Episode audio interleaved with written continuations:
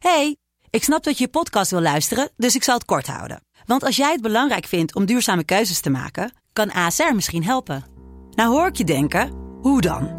Nou, bijvoorbeeld bij het duurzaam herstellen van schade. Of de premies die we beleggen volgens ons duurzaam beleggingsbeleid. Dat bepaalt waar we wel en juist niet in investeren. Wil je meer weten over welke duurzame keuzes ASR maakt? Ga dan naar asr.nl slash duurzame keuzes. ASR doet het. Zo, dan kan je nu lekker naar je podcast luisteren.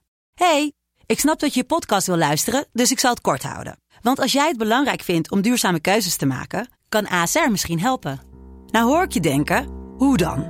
Nou, bijvoorbeeld bij het duurzaam herstellen van schade. Of de premies die we beleggen volgens ons duurzaam beleggingsbeleid. Dat bepaalt waar we wel en juist niet in investeren.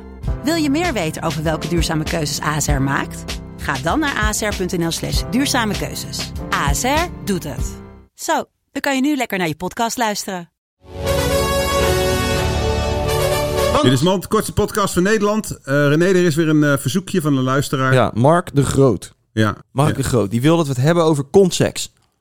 Oké, nou gaan we. Waarom is dat toch zo aantrekkelijk voor veel mannen? Omdat het niet mag, hè? Ja, het is toch een beetje een verboden, Verboden, uitgang. even een beetje vies. Ik denk dat de helft van de vrouwen het ook gewoon echt niet tof vindt. Nee, ik denk het ook niet. Maar je kan het wel eh, trainen. Klopt. Je moet dat eigenlijk met slaolie. Ja? Begin je gewoon als ze slaapt. Hm, ja, Snap je dat ze het Ja. niet merkt? ja, ja. En, dan, en dan, eh, dan kan je later zeggen: joh, ik heb wel eens eh, een hele vinger in je gehad. En dan liep je ook niet te piepen. Nee. Dus zo, zoveel groter is mijn pie- piemeltje niet.